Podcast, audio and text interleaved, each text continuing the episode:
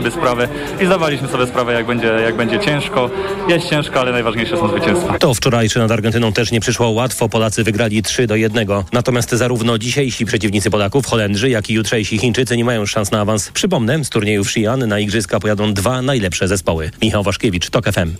Mecz Polska-Holandia rozpocznie się o 10, a kolejne wydanie informacji za niespełna 20 minut.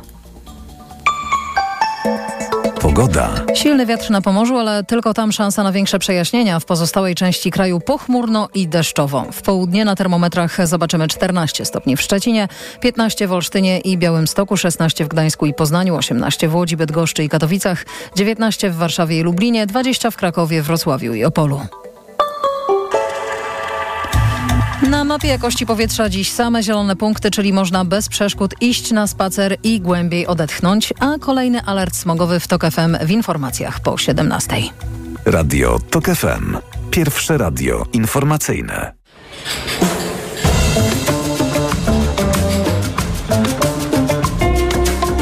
Wybory w toku. Poranek Radia TOK FM. Dominika Wielowiejska, witam Państwa i zapraszam na wybory w toku, a w studiu Dorota Olko, Partia Razem, kandydatka do Sejmu Lewicy z okręgu numer 19. Dzień dobry. Dzień dobry. 19, czyli Warszawa. Warszawa. Andrzej Rozenek, Koalicja Obywatelska, kandydat do Sejmu w okręgu numer 20, czyli Obwarzanek. Obwarzanek, dzień dobry. Jan Strzeżek, Młoda Polska, Trzecia Droga, kandydat do Sejmu w okręgu 19. Czyli też Warszawa. Dzień dobry pani redaktor, dzień dobry państwu. Michał Urbaniak, Konfederacja, kandydat do Sejmu w okręgu 25, czyli Gdańsk. Gdańsk, najlepszy z okręgów w Polsce. I mamy połączenie z panią Józefą Szczurek-Żelazko, Prawo i Sprawiedliwość, kandydatka do Sejmu w okręgu numer 15. Słyszymy się? Tak, dzień dobry, witam Państwa bardzo serdecznie. Okręg 15 to jest miasto Tarnów, powiat tarnowski, Dąbrowa Tarnowska, Brzesko, Bochnia, Wieliczka i Proszowice. Pozdrawiam wszystkich. Chciałam też Państwa poinformować, że nasz program można śledzić na profilu Radia Tok FM na Facebooku oraz na YouTubie. Można oczywiście komentować, wyrażać swoje opinie, do czego Państwa zachęcamy i przypominam także, że nasza część radiowa zakończy się o godzinie 10, właściwie kilka minut przed 10, ale mamy y, dogrywkę, którą będzie można śledzić właśnie na profilu Radia Tok FM na y, Facebooku. A naszą rozmowę chciałam rozpocząć od decyzji dotyczącej debaty, która jednak odbędzie się w TVP. No, TVP jest ustawowo zobowiązana do tego, by ją zorganizować. Zaplanowano ją na poniedziałek na 18.30. Poprowadzi ją m.in. Michał Rachoń. Udział w niej wezmą Krzysztof Bosak z Konfederacji, Szymon Hołownia z Trzeciej Drogi, Joanna Schering-Wielgus z Lewicy, premier Mateusz Morawiecki i przewodniczący Platformy Obywatelskiej, lider Koalicji Obywatelskiej Donald Tusk. I chciałam Państwa zapytać, co sądzicie na temat tej debaty? Jakie tematy będą tam y, kluczowe? Można też zadać pytanie, jakie pułapki TVP przygotuje, bo Michał Rachoń jest niezwykle zaangażowany w kampanię Prawa i Sprawiedliwości. No i dlaczego ta debata nie odbędzie się na Woronicza w siedzibie TVP, tylko właśnie w hali ATM na Wale Miedzeszyńskim? Czy tu za tym też się kryje jakaś intencja? Andrzej Rozenek. Ja przypuszczam, że pytania, które padną podczas tej debaty, już są znane w sztabie y, PiSu. I oni już nad tymi pytaniami pracują i się przygotowują do tego. Pozostali uczestnicy nie będą mieli tak dobrze, na pewno tych pytań nie poznają przed y, samą debatą. Y, ja jestem pełen podziwu dla Donalda Tuska, że przyjął zaproszenie przy takim prowadzącym, przy osobie, która od wielu, wielu lat nie wyszła z butów rzecznika PiS i dalej udając dziennikarza prowadzi propagandę partii rządzącej. To jest wyraz determinacji i tego, że Donald Tusk chce rzeczywiście wygrać z PiSem i postanowił w ten sposób dotrzeć do wyborców. Tych, którzy no, nie mają dostępu do wolnych mediów, którzy są przez lata oszukiwani, manipulowani. No i to jest bardzo dobra wiadomość. Czy Koalicja się- Obywatelska zorganizuje jakąś demonstrację pod tą siedzibą, pod tą E, halą, gdzie odbędzie raczej, się debata? raczej pikietę wsparcia, nie demonstrację, bo to nie jest siedziba TVP, więc tu nie ma czego demonstrować. Ja myślę, że to może być jeden z powodów, dla których ym, e, zmieniono to miejsce.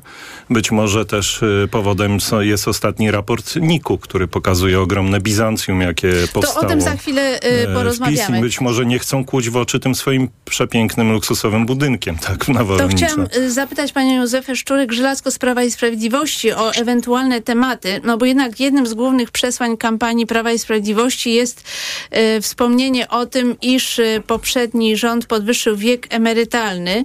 No ale pytanie, czy ten przekaz tutaj w tej debacie telewizyjnej się sprawdzi, ponieważ Mateusz Morawiecki nie jeszcze jako doradca Donalda Tuska powiedział w 2010 roku w Rzeczpospolitej mam nadzieję, że rząd będzie z determinacją działał w celu podniesienia i zrównania wieku emerytalnego, wprowadzenia kryterium dochodowego KRUS i likwidacji przywilejów mundurowych. Bardzo proszę, Józefa Szczurek-Żelazko, Prawo i Sprawiedliwość.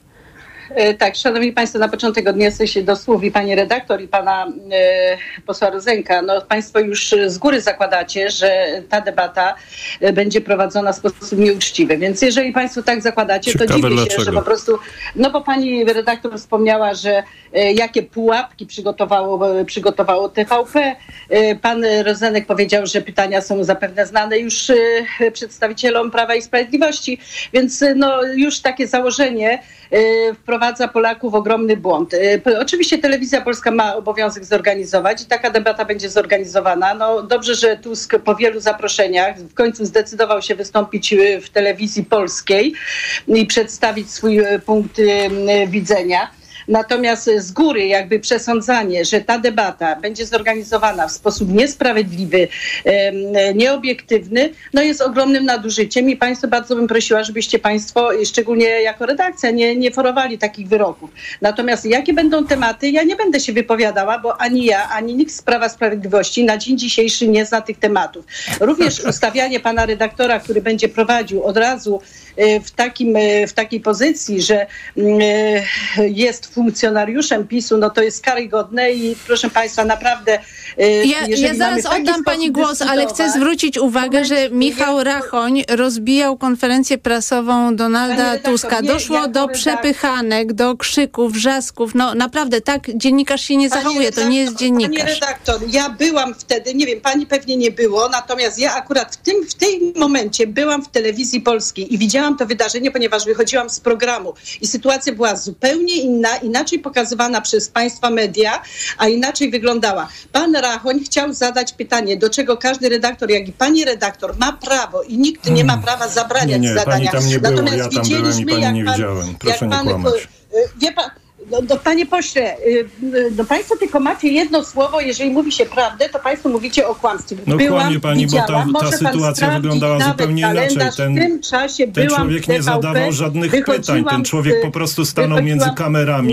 Ale nie jednocześnie. Może zróbmy tak, Panie- może zróbmy panie tak. pośle, Pani panie Józefa panie- Szczurek-Żelazko dokończy wypowiedź i potem y, Andrzej Rozenek będzie miał szansę się do tego odnieść. Byłam i widziałam, widziałam jak pan Kołodziejczak, to pan Kołodziejczak obejmował, dotykał i y, próbował zakłócić to, co chciał, y, te, te pytania, które chce zadawać. Natomiast odnosząc się do tematu, bo myślę, że szanowni państwo, szanujmy się i mówmy o problemach, które są ważne dla Polaków. Oczywiście taka debata powinna się odbyć. Y, Premier Mateusz Morawiecki jest najbardziej kompetentną osobą i właściwą, ponieważ Donald Tusk aspiruje do tego, żeby w przypadku ewentualnie, ale mam nadzieję, że, y, że tego nie zrobi, y, że tak nie będzie, że gdyby wygrał wybory, to y, aspiruje do funkcji premiera, więc jest to też właściwa osoba, jeżeli chodzi o Mateusza Morawieckiego do Ja debaty rozumiem, że do tej tej wypowiedzi dyskusji. dawnej Mateusza Morawieckiego na temat podniesienia wieku emerytalnego nie chce się pani odnosić.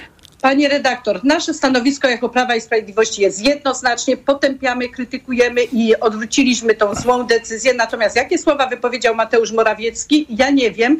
Natomiast to, co Państwo Można donosicie sprawdzić zawsze... oczywiście w sieci. No Pani redaktor, te, tak można sprawdzić jak Państwa wypowiedzi dzisiaj, że są zmanipulowane i przekształcone, więc dlatego No więc nie będę nie, no ale jeżeli mi pani zarzuca, że ja manipuluję, to Pani bardzo redaktor. proszę, żeby pani sprawdziła w Rzeczpospolitej y, w 2010 roku premier Morawiecki redaktor, właśnie wypowiedział powiedział te słowa. To jest cytat y, dokładny, naprawdę. No, no, mi czy jest dokładny cytat, to można dopiero ustalić. Natomiast to pytanie y, zapewne pan Donald Tusk skieruje do pana premiera Mateusza Morawieckiego i pan Mateusz, premier Mateusz Morawiecki wyjaśni dokładnie, co Dobrze. wtedy powiedział. Dobrze, to będzie teraz tak. y, to je- jedno zdanie, Andrzej Rozenek, jeśli chodzi o to, co Pan działo się Rachoń przed wybiegł, siedzibą TVP wybiegł z Info. siedziby, stanął między linią kamer a linią mikrofonów podczas wypowiedzi przewodniczącego Donalda Tuska i po prostu uniemożliwił kontynuowanie tej konferencji.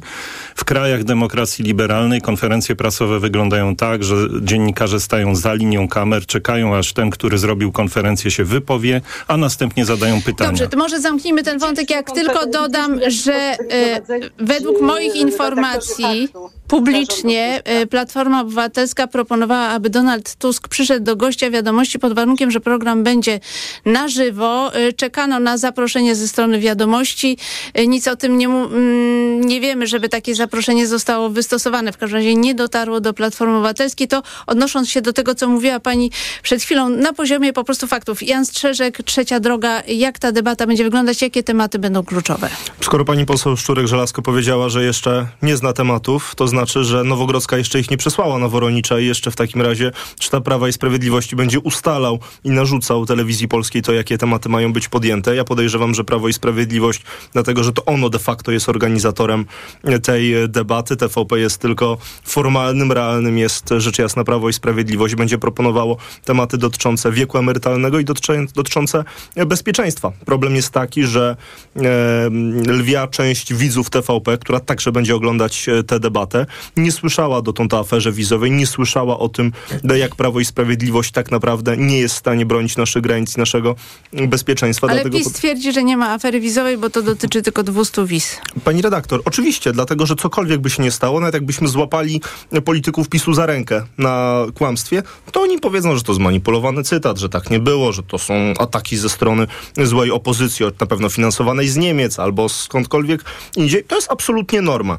To, jak będzie ta debata wyglądać, to ja jestem w stanie sobie wyobrazić, dlatego że akurat co jak co, e, prowadzenie przez pana Michała Rachonia jest gwarancją tego, że linia polityczna Prawa i Sprawiedliwości będzie na pewno dobrze reprezentowana, nawet na poziomie e, zadawania pytań. Myślę, że jeżeli nasi słuchacze słyszą nazwisko Rachoń, to różne skojarzenia przychodzą im do głowy, ale rzetelność i uczciwość dziennikarska będzie raczej na końcu e, tej listy. Dodatkowo, jeżeli tutaj mówimy o tym, że Donald Tusk chciał przyjść, czy inni politycy opozycji w ogóle chcą przychodzić do telewizji polskiej, a pani poseł Szczurek-Żelazko zachwala, jaka to jest wspaniała telewizja, to jest to jedyna chyba telewizja, po pierwsze, finansowana przez nas wszystkich, po drugie, e, gdzie politycy opozycji mają zakaz przychodzenia. Ja mogę się pochwalić swoim rekordem. 982 dni zakazu przychodzenia e, do TVP. Jestem Jeszcze- lepszy, 6 lat.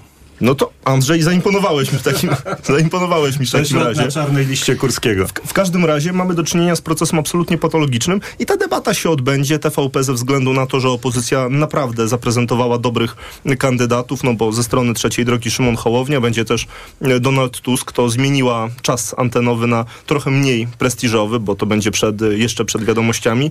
Cóż, musi się to odbyć, niech PiS przegra na swoim polu. Michał Urbaniak, Konfederacja.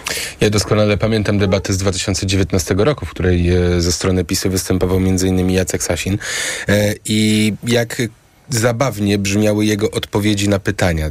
Pytania były ułożone dokładnie tak, jak chciał sztab PiSu. Tutaj myślę, że nie ma, e, przynajmniej po, w stronie studyjnej kontrowersji, że tak to będzie wyglądało. E, pamiętam doskonale, jak e, podchwytliwe pytanie, na przykład dotyczące, e, dotyczące dopłat rolniczych było podyktowane w sposób idealnie odpowiadający Jackowi Sasinowi. Więc y, wtedy już ta debata była żartem. A jak pomyślę sobie o tym, co będzie w poniedziałek, to wyobrażam sobie jeszcze większą, e, jeszcze większy blamaż y, TVP, jeszcze gorszą debatę niż y, poprzednia, ponieważ y, no, mamy debatę, która nie będzie w stanie być rzetelna. Po minucie na odpowiedź e, raptem parę pytań, łącznie e, tam wyjdzie z 7-8 minut, o ile dobrze pamiętam, dla każdego z kandydatów na jakiekolwiek wypowiedzi, e, wobec czego nie da się przedstawić programu swojej partii, nie da się zaprezentować dobrze e, w tak krótkim czasie, kiedy, kiedy Polacy będą to oglądać, a z pewnością wielu Polaków będzie to oglądać, ta debata może mieć rekordową oglądalność, ponieważ no, mimo wszystko idą tam w większości liderzy e, swoich partii. No, Konfederacja też jest naturalnie wycinana z e, TVP, chociaż jest to medium publiczne i w tych ogólnopolskich kanałach TVP nie było nas od e, roku. E, Więc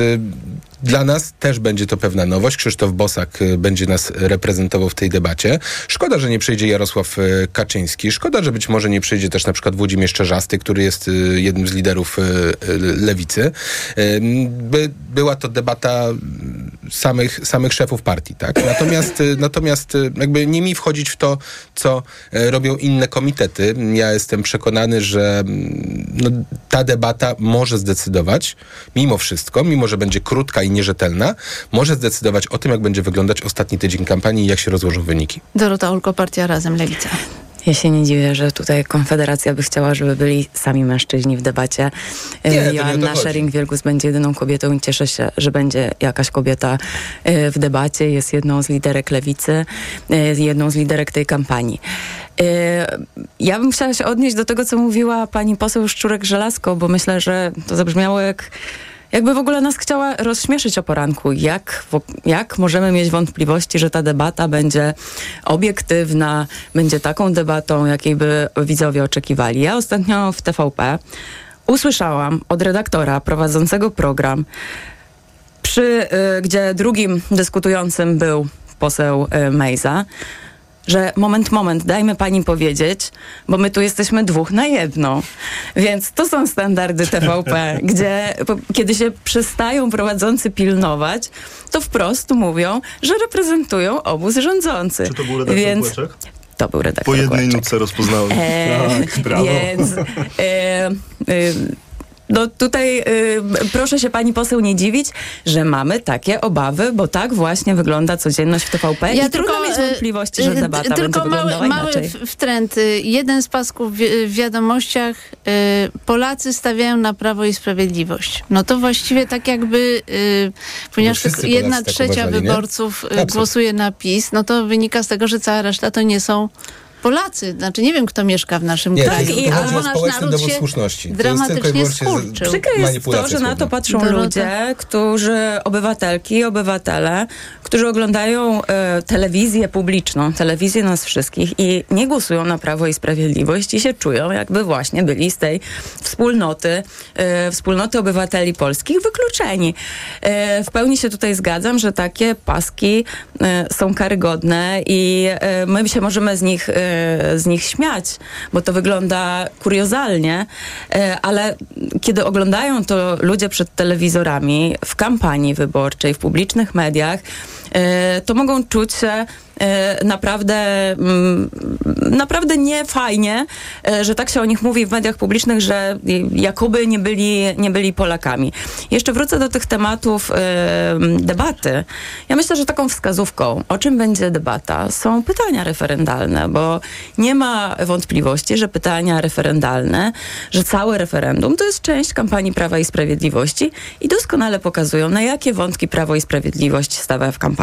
Nie mam wątpliwości, że będzie nawią- nawiązywanie do filmu Reset, że będzie wielka y, umożliwianie tej wielkiej bitwy. Michał co- Ra- Rachon jest współautorem. tak, dodajmy. co Donald Tusk 10 lat temu i muszę powiedzieć, że mnie to bardzo smuci, bo szczególnie jak rozmawiam z młodymi kobietami, y, to one mówią, mówią o tym, y, że mają dość, mają dość tej atmosfery takiej nawalanki i bardzo by chciały usłyszeć o postulatach Mam do pani pytanie. Mam I do to pani- jest miejsce, debata w telewizji publicznej, żebyśmy patrzyli na przyszłość, na, na to, co proponują różne partie, a nie kontynuowali tej naprawdę... Mam, mam do Pani pytanie, bo dzisiaj ym, oglądając ym, to, co dzieje się na Platformie X, zauważyłam zalew y, tweetów ze strony Prawa i Sprawiedliwości, że oto do władzy może dojść y, y, hashtag koalicja chaosu. Chodzi PiSowi o to, że Trzecia Droga, Koalicja Obywatelska i Lewica to są partie o tak różnych y, programach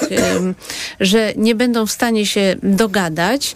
E, I moje pytanie do pani jest takie, czy partia razem daje taki mandat rzeczywiście Włodzimierzowi Czarzastemu do prowadzenia negocjacji ewentualnych po wyborach, bo y, ani Adrian Zandberg, ani y, inny członek partii Razem nie pojawił się na marszu. No, była trzecia droga, była Koalicja Obywatelska, była Lewica, był Włodzimierz Czarzasty, Robert Biedroń. Mm, No i pamiętam takie wypowiedzi na przykład y, posłanki Matysiak bodajże, która powiedziała, że no tutaj y, takiej współpracy to nie będzie, bo my jesteśmy bardzo krytyczni. A muszę panią redaktor zaskoczyć, bo była na marszu nasza kandydatka do Senatu, Anna Górska, która jest jedną e, z, członkiń, z, z członkiń, przepraszam, Czyli ktoś zarządu Razem był, tak? pięcioosobowego i byłam ja na kawałku marszu, więc y, dwie osoby e, się tam pojawiły. Ja byłam akurat z moją mamą, dla której jest z tego pokolenia, dla którego to było ważne wydarzenie, chciała, chciała pójść e, na marsz, była akurat u mnie w Warszawie. E, I e, też podkreślę, że lewica jest formacją y, naprawdę koalicyjną i my podejmujemy decyzje po partnersku przed negocjacjami. Na pewno będziemy ustalać jakieś warunki graniczne dla nas. Y, dzisiaj będziemy też na pewno mówić o tym na konwencji w Będzinie, co jest y, priorytetami dla lewicy w przyszłym rządzie. I oczywiście w przyszłym rządzie trzeba bo głęboko wierzę w to, y, że to będzie rząd dzisiejszej opozycji Czyli demokratycznej, jest pani przekonana, koalicji. że tutaj porozumienie będzie, jeżeli y, opozycja, ta trójczłonowa, jeżeli miałaby większość jeżeli wszystkie y, strony, ja nie jestem w stanie ręczyć za wszystkie podmioty, nie jestem w stanie przewidzieć, bo nie jestem wróżką, Nie, jak, no, za- będą, pa- jak będą wyglądały jak będą wyglądały negocjacje też, bo myślę, że to jest ważne, żeby podkreślić, że tutaj każdy będzie musiał iść na kompromisy, każdy będzie musiał wybrać swoje priorytety i to, czego w tej koalicji nie odpuści, a gdzie jest w stanie się posunąć. Myślę też, że będziemy musieli e, umieć przekonywać się nawzajem, bo na przykład dla nas kwestią e, kluczową jest program mieszkaniowy. Platforma ma tutaj trochę e, inne stanowisko. Trzecia droga patrzy na ten problem podobnie jak my, że stawia na budowanie mieszkań na wynajem. I myślę, że to jest dobry przykład, gdzie my e, jako te dwie formacje koalicyjne będziemy próbowali przekonać koalicję obywatelską, jeszcze- że dobre rozwiązanie jest po prostu inne. Widzę, że Państwo chcieliby dorzucić jeszcze do tej sprawy debaty i TVP, ale chcę powiedzieć tylko tyle, że ym, raport Najwyższej Izby Kontroli bardzo krytycznie ocenia gospodarkę finansową TVP. Chodzi o to, że część osób ma y, rzeczywiście gwiazdorskie kontrakty, ale Mo, moim skromnym zdaniem nie to jest istotą problemu. Istotą problemu jest to, że TVP jest niejako ministerstwem em, propagandy, bo w innych telewizjach też takie kontrakty są. Natomiast tutaj problem polega na tym między innymi, że te osoby, które mają kontrakty, to jeszcze zawierają dodatkowe umowy na dodatkowe pieniądze. Jest to dosyć niejasne, bo nie wiadomo dlaczego y, te mm, umowy są zawierane, co kto naprawdę wykonał y, za te pieniądze.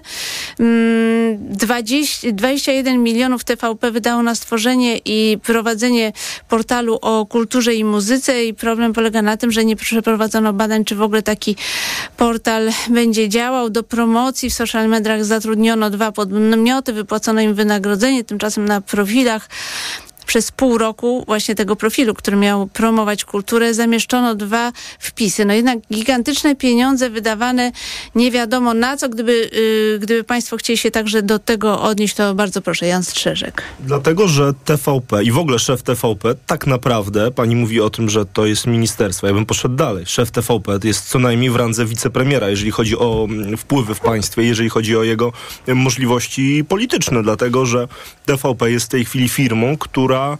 Zbudowała bardzo wiele majątków. I nie mówię to tylko o ludziach, którzy, których widzimy na antenie, którzy funkcjonują w ramach orbity Prawa i Sprawiedliwości, którzy realizują linię medialno-polityczną narzuconą z Nowogrodzkiej, ale to są także ludzie, którzy właśnie świadczą usługi marketingowe, którzy realizują wydarzenia organizowane przez TVP. Tyle osób, ile dzięki TVP było w stanie się wyżywić, było w stanie zarobić największe pieniądze w swoim życiu, to jeden raport Najwyższej Izby Kontroli pewnie nawet nie byłby w stanie tego mm, pokazać, dlatego że jeżeli byśmy spojrzeli na to, jak bardzo jest potrzebna reforma TVP, tak żeby żadna władza nie miała takiej pokusy, jak Prawo i Sprawiedliwość. Żeby już nie było możliwości, że ktokolwiek będzie rządził Polską, to będzie w stanie na, na terenie całego kraju prowadzić swoją określoną w jasny sposób linię e, polityczną. To myślę, że czeka, mam nadzieję, tutaj patrzę na Andrzeja Rozenka i na Dorotę Olko, że będzie nas czekało duże wyzwanie, jak e, telewizją polską po wyborach, poza tym, że trzeba ją zaorać i postawić na nowo, to w jaki sposób ją na nowo e, postawić. I tutaj jeszcze bym dwa zdania powiedział na temat raportu Najwyższej Izby Kontroli. Takie sytuacje, i nie tylko ten raport NIK, ale także inne, są kolejnym dowodem na to, że Najwyższa Izba Kontroli, kontroli musi mieć uprawnienia prokuratorskie. Że to nie może się kończyć na raporcie, który, na podstawie którego najpewniej pojawią się jeszcze doniesienia do prokuratury o możliwości popełnienia przestępstwa, czy przy okazji oszustw, czy przy okazji niedopełnienia obowiązków, czy przekroczenia obowiązków funkcjonariuszy publicznych, ale Najwyższa Izba Kontroli powinna mieć możliwość od razu do sądu kierować akt To- oskarżenia. Pytanie do pani poseł Józefy Szczurek-Żelazko z Prawa i Sprawiedliwości, bo tutaj w tym raporcie NIK napisano także, że na przykład zawartą umowę z pracownikiem TVP3 na sumę no całkiem sporą, bo ta spółka pracownika dostała 9 milionów złotych, e, potem jeszcze przelano kolejne 3 miliony złotych i tak naprawdę nie do końca e, wiadomo e, za co temu pracownikowi zapłacono. To jednak są strasznie duże sumy 9 milionów złotych na spółkę jednego pracownika, pani poseł. Mamy połączenie? Ja też bym chyba się rozłączył, słysząc takie informacje. Nie, może to jest po prostu jakiś problem. Ale Spróbujemy go rozwiązać. Nie, już y, Ta- Jeszcze kończąc wątek. ostatnie zdanie. Ostatnie zdanie. Dlatego, i... że ja nawet rozmawiając z Pan Michał politykami Urbaniak. PiSu, oni są szalenie sfrustrowani, że oni muszą dawać twarz temu wszystkiemu, muszą głosować, muszą ponosić odpowiedzialność, a gdyby poszli do spółki, takie jak TVP, dostaliby 9 milionów. Gigantyczne pieniądze i nikt by o nich nie słyszał. Michał Urbaniak, Konfederacja. Tak, pieniądze lubią ciszę, prawda? Więc y, tutaj e, to, co dzieje się w TVP, no doskonale wiemy, że to gdzieś tam e, woła o pomstę do nieba. Dlatego ja też uważam, że w przyszłości trzeba pamiętać o tym, by NIK dostał uprawnienia prokuratorskie i mógł takie sprawy samemu też gdzieś tam dalej popychać. Em, natomiast wracając do TVP, tutaj pan jeszcze e, tak rzucę pół żartem w obronie Paskowego. E, w, Ja, ja zaraz, zaraz pani poseł oddam głos, dobrze? Pan Pół żartem w obronie Michał Paskowego. Urbaniak, y. Tam jest taka Absolutnie, zaraz tania będzie miała pani i głos. bardzo mm, toporna propaganda. Takie właśnie społeczne dowody słuszności, bo tak to się w, tam w manipulacji nazywa, e, gdzie tworzy się wrażenie, że wszyscy właśnie tak robią, jak, e, jak, e, jak podaje Paskowy. No to jest tanie i łatwe do odkrycia. Natomiast, natomiast efekt skali, jaki osiąga TVP, no powoduje, że bardzo wielu Polaków, zwłaszcza tych, którzy nie mają dzisiaj dostępu do innych mediów, którzy nie mają czasem dostępu na przykład do internetu, ma problem z tym, żeby zweryfikować, jak wygląda rzeczywistość. Jak zajrzą czasem do innych na przykład stacji radiowych czy telewizyjnych, no to jest spory dysonans poznawczy. M, Jako Polska ten rynek nasz medialny, on nie jest wolny od y, mediów tożsamościowych, od mediów, które bardzo często przedstawiają pewną wizję e, świata i dość konsekwentnie mm, w, w tym kierunku idą. Natomiast większość z tych mediów mimo wszystko jest prywatnych i no, mają prawo do tego, żeby tak robić, To- nawet jeśli nie jest to rzetelne często, O- ale no, TVP tu się wymaga więcej. Oddajmy głos pani poseł Józefie Szczurek-Żelazko, Prawo i Sprawiedliwość. No dziękuję uprzejmie, że w końcu po pół godziny mogę tutaj doprosić Cię o głos, chociaż Państwo mówicie tyle o tej równości w mediach, a ta audycja jest chyba najlepszym dowodem, jak to wygląda. Natomiast zanim Pani państwo, poseł, przepraszam, nie, nie, myśmy prosili panią o wypowiedź i nie było pani na łączach, Dobrze, dlatego musieliśmy dobrze, przesunąć, a każdy dobrze. miał w tej chwili y, w tej rundzie redaktor, po no jednym głosie i teraz następny. No dlatego proszę, żeby pani nie przedstawiała fałszywych oskarżeń. Bardzo proszę pani Nie, no, poseł. Bardzo proszę, pozwoli mi pani wypowiedzieć się chociaż 5 minut, bo pani Olko mówiła 10 minut, bo sobie zmierzyłam. Więc chociażby nawet połowę z tego czasu. Więc pozwolicie państwo, ponieważ tak, ja na początek odniosę się jeszcze do poprzedniego tematu, ponieważ państwo przedstawiliście wiele fałszywych y, przykładów, y, które nie można zostawić tak bez echa. Po pierwsze, y, moje, po pierwsze, no to, co Państwo mówicie, to świadczy o tym, że e, bardzo boicie się Państwo tej debaty, której będzie brał udział premier Mateusz Morawiecki, bo e, boicie się, że przegracie. Już oceniacie, to się że to żart, Kaczyński tej że to, nie, nie, e, że to jest, że, że będzie nierzetelna debata. Ja zresztą to sam, to się, ta retoryka państwa, tej całej opozycji wpisuje się w to, co powiedziała jedna kandydatek Platformy Obywatelskiej o wyborach, że wybory zostały już sfałszowane i będą e, od nowa przeprowadzone. Czyli państwo już doskonale wiecie, że przegracie te wybory i dlatego tworzycie tą retorykę i przykro, że tutaj media się wpisują w to. Drugie, pan, e, panowie powiedzieli, że e, nie są e, zapraszani do mediów publicznych. Panowie, przecież takie rzeczy, bajki możecie opowiadać dzieciom. Zaproszenia wysyła się do biura prasowego poszczególnej partii i to biura prasowe kierują odpowiednie osoby do debaty. Konfederacja Więc proszę nie dostaje takich zaproszeń. bzdur, y, tylko mieć pretensje, jeżeli pan nie chodzi do, do mediów, to proszę się kontaktować ze swoim biurem prasowym. To jest, to jest kolejna rzecz. Y, Teraz, jeżeli chodzi o To tematy, potem by- by które będą pan Strzeżek to z- chce pani, sprostować. Ja Mhm. dokończę swoją wypowiedź. Tak, tak, tak, tylko sygnalizuję, że to będą- będzie sprostowanie do tego. Bardzo proszę. Będą te tematy, które będą poruszane w trakcie, te tematy, które powinny być poruszane, to, to są tematy, które są najważniejsze dla Polski i Polaków. A w tej chwili sprawą najważniejszą, i to chyba wszyscy powinniście Państwo przyjąć do wiadomości, że jest bezpieczeństwo naszego kraju. I e, kwestie bezpieczeństwa imigracji są ważne nie tylko dla Polski, ale dla całej Europy. I my mamy zamiatać temat pod dywan, bo państwu się nie podoba albo jest niewygodny. Taki temat y, y, prawdopodobnie pojawi się w tej debacie. I oczywiście jeszcze raz podkreślam, że telewizja polska postara się zrealizować i na pewno tak będzie w sposób obiektywny i rzetelny. A odnosząc się teraz do raportu NIK-u, po pierwsze, y, to jak czytam ten raport, to po prostu nasuwa się mi takie starodawne polskie przysłowie, że przygaduje kocioł garnkowi. Żeby można było mówić o jakichś nieprawidłowościach, to samemu trzeba stać na straży prawa. To tak tylko komentarz i wiecie Państwo o czym mówię.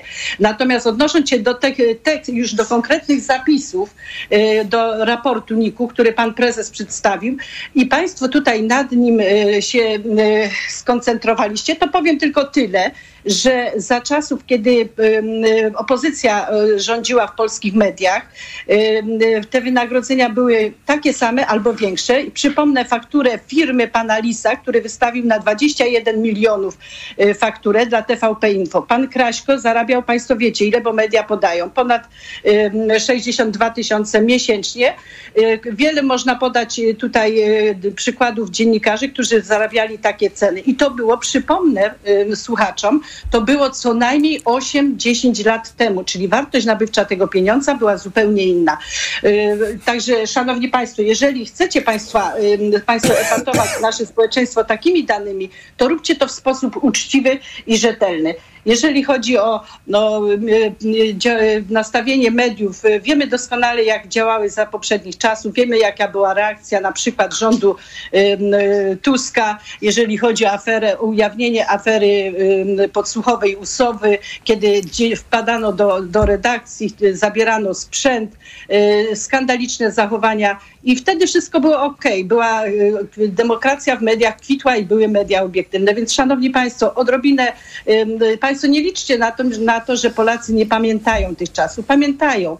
I y, my y, chcemy też, żeby, y, żeby telewizja polska była telewizją, która będzie nie tylko pełniła tą misję informacyjną, ale również realizowała inne zadania, Dobrze, o których pani pani redaktor mówiła, że faktura została wystawiona. E, Oczywiście by- chcemy promować kulturę, wspaniałą nasze dziedzictwo No tak, ale chodzi o to, żeby to było wartości. skuteczne, no bo jeżeli się wydaje pieniądze, a tej promocji nie ma, no to wtedy jest problem.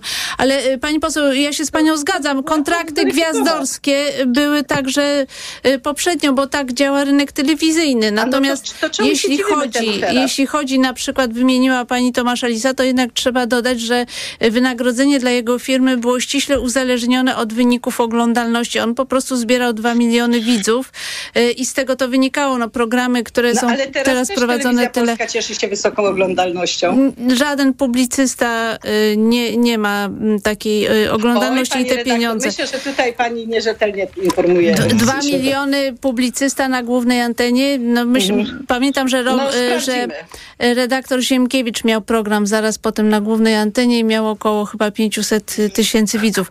Więc, y, ale z, ja się zgadzam, że, Okej. że y, kontrakty były bardzo wysokie. Bardzo proszę, Andrzej. Rozumiem, że raport NIK, prawda? Tak. E, szanowni Państwo, trzeba zacząć od podstaw. Po co została stworzona telewizja publiczna? Otóż po to, żeby nieść misję i równo traktować wszystkich uczestników sceny politycznej w programach publicystycznych dotyczących polityki. Tego od ośmiu lat nie ma. Telewizja publiczna jest finansowana z pieniędzy podatników. Ponad 2 miliardy złotych z budżetu i kilkaset milionów z y, parapodatku, czyli z abonamentu, który wszyscy muszą płacić, niezależnie od tego, czy oglądają te telewizje, czy nie. I chociażby ze zwykłej przyzwoitości, ponieważ wszyscy się składamy na te telewizje, to ta telewizja powinna dbać o to, żeby był reprezentowany w tej telewizji pogląd wszystkich partii politycznych. Tymczasem od 8 lat jest tam reprezentowany wyłącznie jeden pogląd i narzucana jedna, y, y, jedna narracja. Narracja napisana na ulicy Nowogrodzkiej. Y, zarobki, które, ni, które Najwyższa Izba Kontroli ujawniła, przypomnę, że prezesem NIK-u jest osoba wskazana przez Jarosława Kaczyńskiego, więc można powiedzieć, że, że mamy tu na pewno do czynienia z, z kimś, kto to obiektywnie zbadał, przynajmniej z punktu widzenia PiSu. E, e, zarobki są skandaliczne. Pan e, Olechowski, który e, nadzorował wyda, wydawanie wiadomości, 3,5 miliona przez 3 lata. Nie było takich zarobków w poprzedniej telewizji. Nie jest to żaden Było, kontrakt pana, gwiazdorski. E, Ja sekundę, ja pani nie przerywałem. Bardzo bym prosił o Pani poseł, zachowanie y, elementarnej mm, kultury, poseł, z czym ma pani Andrzej wyraźnie Rozenek. problem.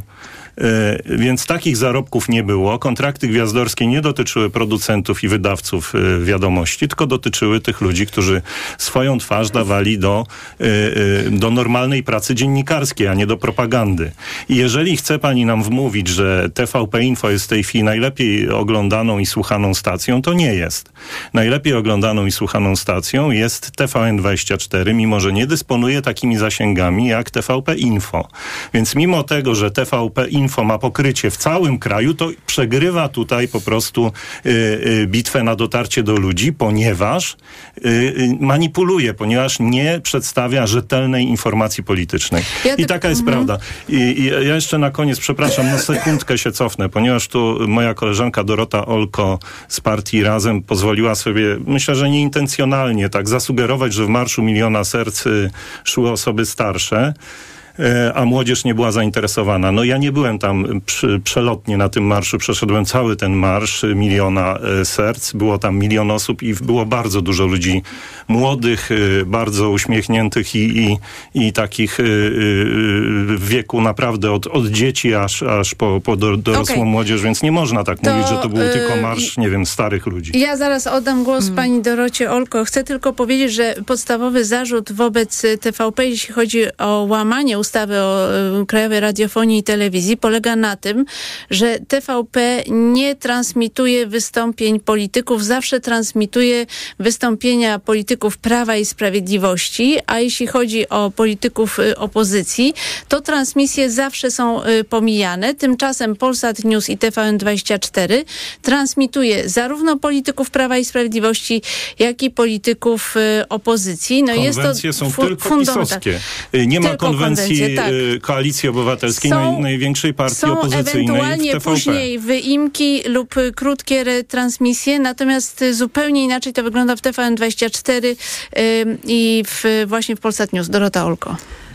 Nie chciałam powiedzieć, że nie było młodych ludzi na marszu Miliona Serc, No tak czy. No, to tak y, czy że y, to jest y, y, impreza starych ludzi. Chodziło mi raczej o to i wydaje mi się, że jasno się wyraziłam, że jest to szczególnie ważne y, było wydarzenie dla takich ludzi z pokolenia y, mojej mamy. Wracając do TVP i do raportu NIK-u. W kampanii wyborczej bardzo wiele razy słyszymy pytania, skąd państwo wezmą na to pieniądze, jak przedstawiamy nasze programy. I równocześnie słyszymy o niegospodarności instytucji publicznych. E, TVP, jeśli dobrze pamiętam, w 60% jest e, finansowana e, z pieniędzy publicznych. Równocześnie wiemy, ile powstało w czasie rządów Prawa i Sprawiedliwości tych wszystkich funduszy, funduszyków, e, skąd idą pieniądze na wille, nie wille, e, że mamy do czynienia z ogromną niegospodarnością.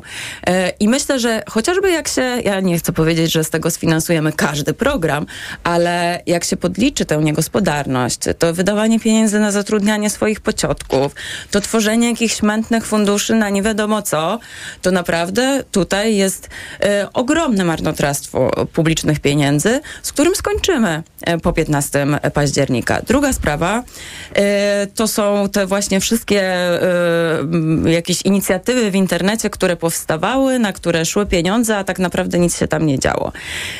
Myślę, że w XXI wieku gdzie rzeczywiście media się zmieniają. To jest naprawdę ważne, żeby dostosowywać się do, wy, do wyzwań, żeby docierać do szerszej publiczności. Ja jestem y, dużą hiszpanofilką i często oglądam publiczną telewizję hiszpańską.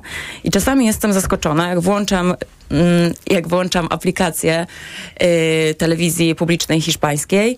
Y, ile tam jest rozmaitych kanałów dla, dla różnych osób, takich e, e, streamów internetowych na różne tematy.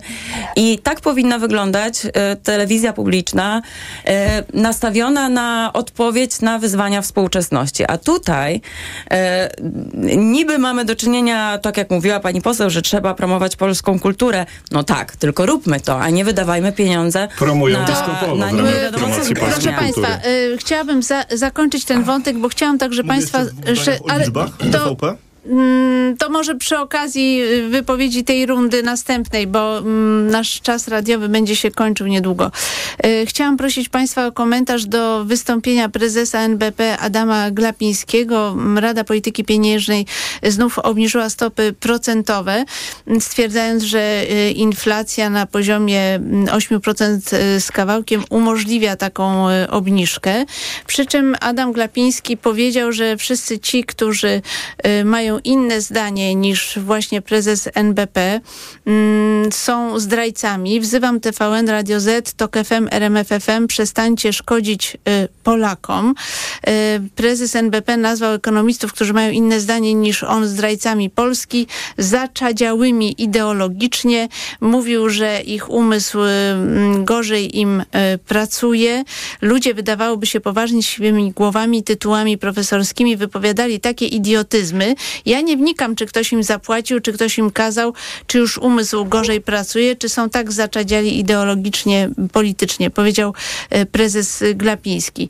N- Tymczasem opinie ekonomistów sprowadzały się do tego, że mm, cena benzyny została sztucznie zaniżona. Dzięki temu i wynik inflacyjny, mm, teraz ten obecny, jest y, niższy niż można było się spodziewać.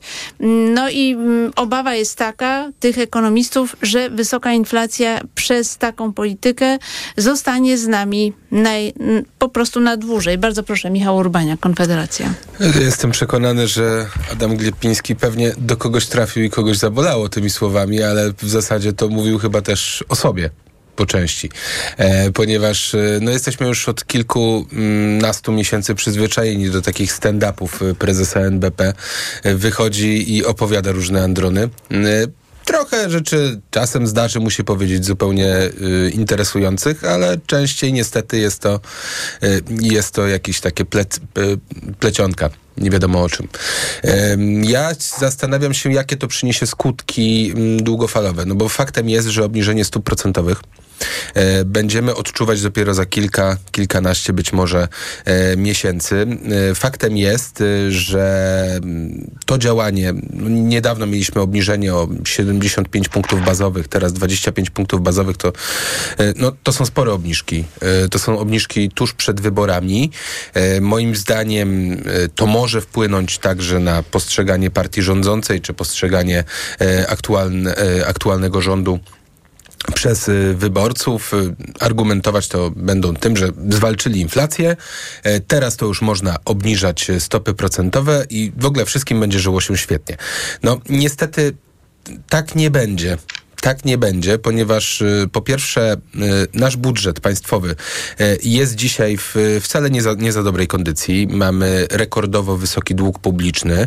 E, O ile dobrze pamiętam, na pewno rząd Zostawmy wielkości około liczby, 200 ale miliardów, rzeczywiście, 190 czy wzrósł, bodaj tak, miliardów e, złotych. To jest deficyt budżetowy, jaki mamy zaprojektowany dopiero na rok dwu- 2024, więc pytanie skąd te pieniądze? No albo podatkami się to uzupełni, czyli będą nowe podatki, jeśli na przykład PiS będzie rządzić, e, a i tak wprowadzono około 50 opłat, danin, podatków różnego rodzaju przez ich rządy, e, albo będzie kolejne zadłużanie, e, więc e, no to jest kierunek, to jest ślepa uliczka. To pytanie tak? do pani Konfederacja, poseł. Tylko dokończę, na przykład jeśli chodzi o ceny benzyny, no zakłada, że raczej należałoby tutaj odciążyć y, sam, y, y, każdy litr paliwa z dodatkowych opłat, z akcyzy, z opłaty emisyjnej, a nie, a nie gdzieś tam manipulować y, marżami Orle- Orlenu w tym wypadku. Marże Orlenu powinny być też jak najniższe, to jest Py- naturalne. Pytanie do pani poseł Józefy Szczurek-Żelazko z Prawa i Sprawiedliwości, bo tu jakby zarzut jest taki, że ym, prezes Glapiński obraża tych ekonomistów, a tymczasem Polska jednak nadal ma jedną z wyższych inflacji w Unii Europejskiej, tylko Węgry nas przeskakują, bo Węgry właśnie dokonały takiej e, operacji, że przed wyborami bardzo ym, obniżono ceny benzyny, potem one poszły w górę. No i po prostu ci ekonomiści obawiają się, że w Polsce może nastąpić to samo. To znaczy w najlepszym przypadku ta wysoka inflacja pozostanie z nami na dłużej. Tymczasem e, Rada Polityki Pieniężnej powinna dążyć do inflacji, tak jak ma to zapisane w celu, 2,5%. Bardzo proszę pani poseł. No, szanowni Państwo, no, ta debata tutejsza to wpisuje się dokładnie w strategię mm, wyborczą całej opozycji. Zresztą się nie dziwię, bo taka jest ich rola, żeby straszyć Polaków, a jeżeli coś dobrego się wydarzy, to od razu szukać dziury w całym i podważać i podważać wiarygodność y, tych danych, które są prezentowane. Szanowni Państwo, jeżeli chodzi o działania Rady Polityki Pieniężnej, to y, wykazała ona swoją skuteczność. Zwróćcie Państwo uwagę, że od lutego y, inflacja bardzo w Polsce się obniżyła o prawie 10 punktów procentowych, bo mieliśmy ponad 18, w tej chwili mamy już 8,2 i te działania, które podejmuje Rada Polityki Pieniężnej i rząd są bardzo skuteczne. Najważniejsze, że Polacy odczuwają już coraz łagodniej czy mniej te skutki inflacji, która była wywołana, o czym tutaj nikt z Państwa nie wspomniał, y, kryzysem Proszę, ogólnoświatowym, czyli wojną na Ukrainie, pieniędzy. pandemią, przerwaniem łańcuchów dostaw y, i y, łańcuchów produkcyjnych, więc to wszystko dotyczyło całego świata. My oczywiście wybraliśmy taką formę walki z inflacją, żeby była jak najmniej negatywnie odciąża, odczuwana przez społeczeństwo. I dzięki temu mamy najniższe prawie po Czechach bezrobocie. Zwróćcie uwagę Państwo, że te Nie, nie, kraje, no które pani walczyły poseł, proszę nie wprowadzać słuchaczy w błąd. Polska pani ma wysoką Czechy inflację na tle najniższe Unii Europejskiej. A Y, bezrobocie, tak, okej, o bezrobocie. No, no, pani, pani redaktor, proszę słuchać, a nie przerywać mi, kiedy podaję dobre dane. Y, Bezrobocie mamy po Czechach najniższe w Europie i dzięki temu, że bardzo racjonalnie Rada Polityki Pieniężnej walczyła z inflacją i polski rząd, udało się uchronić miejsca pracy. pani co poseł, to nie ma związku z to Ma związek, pani Nie, redaktor. bo Polsce brakuje rąk do pracy, nagle- pani poseł. Y, No właśnie, no, a dlaczego? Bo Polska się dobrze rozwija, mamy wysokie wskaźniki gospodarcze, y, wszystko idzie w dobrym kierunku, starajcie się państwo, y, starajcie się Państwo dyskredytować. A jeszcze się odnoszę do długu publicznego. No chyba Państwo y, zapomnieli o tym, że y, relacja długu publicznego do PKB jest dużo niższa niż w 2015 roku, więc przyjmijcie Państwo do wiadomości, że y, nie zadłużamy kraju, mimo że realizujemy tyle programów i Państwo opowiadacie tu jakieś dziwne rzeczy o okradaniu budżetu państwa, to my zwiększyliśmy dochody do budżetu chyba. państwa o ponad połowę. E, Za, uszczel, dzięki uszczelnieniu em, podatku to jest, jak się uwierzy we własną propagandę.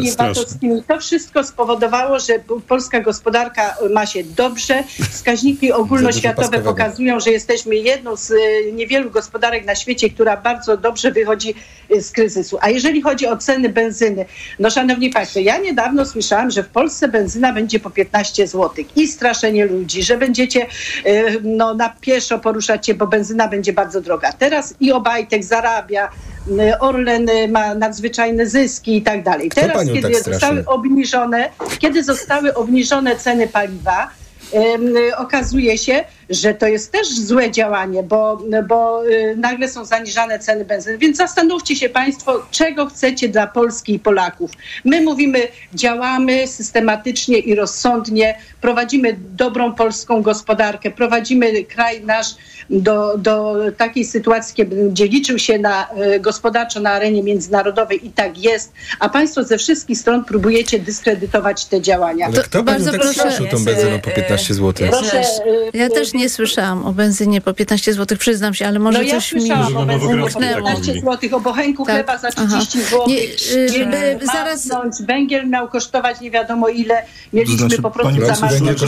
Przestańcie straszyć To, to jest szalenie ważny Polacy i wątek. tak wam nie uwierzą. E, Proszę Państwa, e, zaraz oddam głos e, Dorocie Olko. Chciałam tylko powiedzieć, że wysoka inflacja jest efektem nie tylko wojny i zawirowań, i zawirowań na rynku energetycznym, ale wynika także z faktu, że Rada Polityki Pieniężnej w momencie, kiedy inflacja zaczęła rosnąć 4, 3, 4, 5%, Rada Polityki Pieniężnej nie e, podwyższała stóp e, procentowych, czekała bardzo długo i potem podniosła je już skokowo, kiedy inflacja się nakręciła. Także przyczyn tej wysokiej inflacji jest kilka, w tym także po, polityka Rady Polityki Pieniężnej. Dorota Olko, bardzo proszę. Pani redaktor, Bawi mnie- pani poseł. Bank Centralny Stanów Zjednoczonych jeszcze Kłopoty z później kulturą. Ja rozumiem, e, przepraszam, już oddaję głos e, pani poseł. e, Bawi mnie, jak, Dorocie Olko. pani poseł- Jedno zdanie do pani poseł. Ja rozumiem, że pani uważa, że em, amerykański Fed działał słusznie. Może pani tak uważać. Powtarzam jeszcze raz. Przyczyną inflacji była,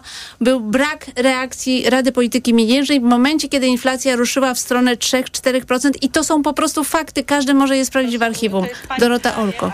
Bawi mnie, kiedy poseł Szczurek-Żelazko mówi e, o tym, że to opozycja straszy ludzi, bo myślę, że w konkursie na straszenie to Prawo i Sprawiedliwość w ostatniej kadencji by nie miała sobie równych. Było straszenie robakami, jedzeniem robaków, seksualizacją dzieci. Ta lista jest naprawdę długa i absurdalna, powiedzmy to sobie szczerze.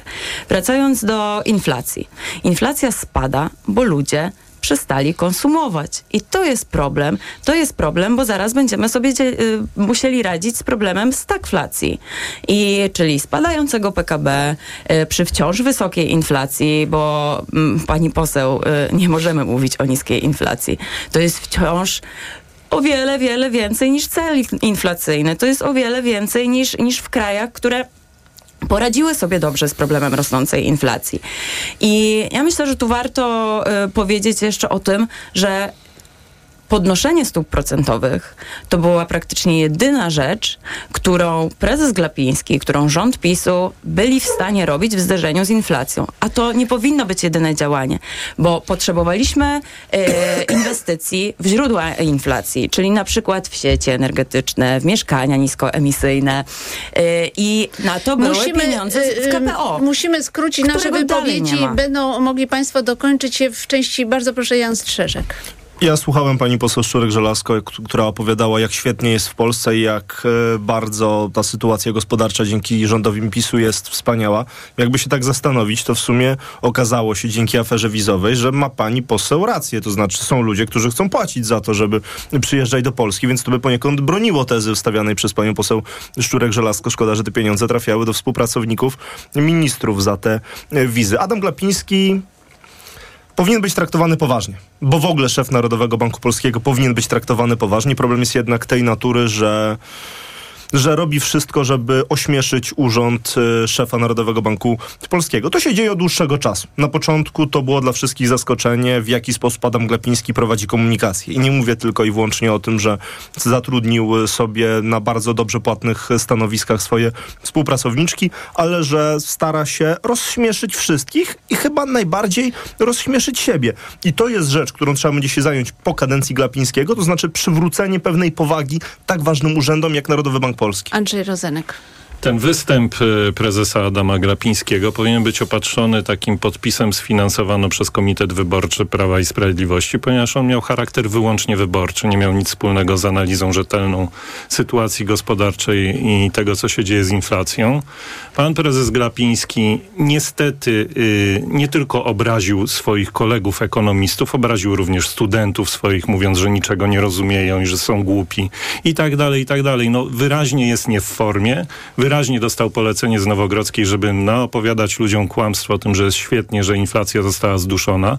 No a my wszyscy przecież widzimy, bo chodzimy do sklepów, robimy zakupy, jak, jak wygląda rzeczywistość. I Widzą też, widzą też ci, którzy mają kropkę. firmy, y, swoją działalność gospodarczą, jak ogromnymi podatkami są w tej chwili obciążani, jakie są składki zdrowotne, jak to wszystko wygląda. Tysiące firm co, co miesiąc bankrutuje w Polsce, zawiesza działalność, a prezes Grapiński z wielkim uśmiechem na swoim stand-upie ogłasza, że jest świetnie, wspaniale i najlepiej jak I kiedykolwiek na było. tym kończymy naszą część radiową. Dorota, Dorota Olko, Partia Razem, y, Andrzej Rozenek, Koalicja Obywatelska, Jan Dziękuję Strzeżek, bardzo. Trzecia Droga, Michał. Urbaniak, Konfederacja, Dziękuję. Józefa Szczurek-Żelazko, Prawo i Sprawiedliwość. Ja zapraszam Państwa na informacje. Nasz program wydawał Maciej Jarząb, zrealizował Krzysztof y, Olesiewicz, a ja z Państwem spotkam się w poniedziałek w poranku Radia Tok FM.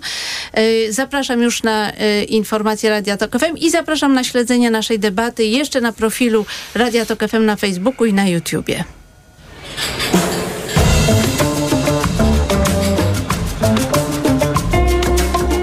Wybory w toku. Poranek Radia TOK FM.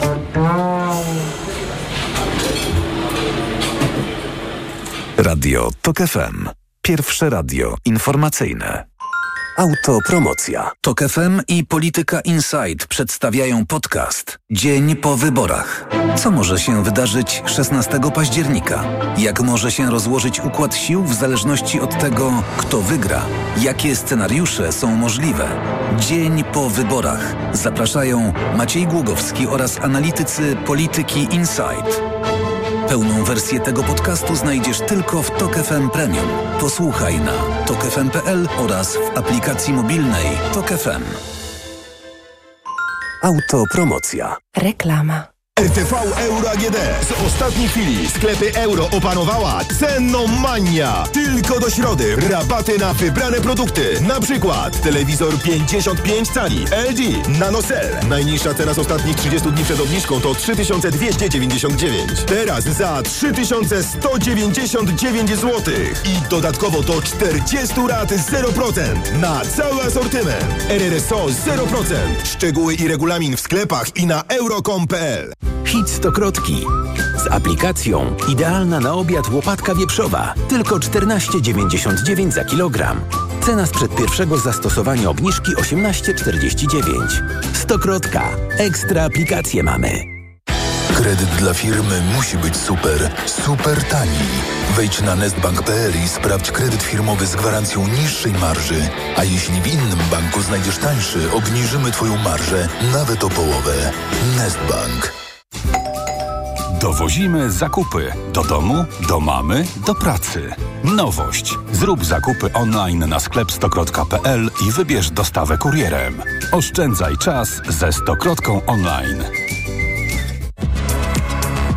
W Volkswagenie od lat wychodzimy naprzeciw potrzebom kierowców. Wykorzystując zdobycze nowoczesnych technologii. To pozwala nam tworzyć samochody innowacyjne i przyjazne użytkownikom. Teraz suwy Volkswagena dostępne są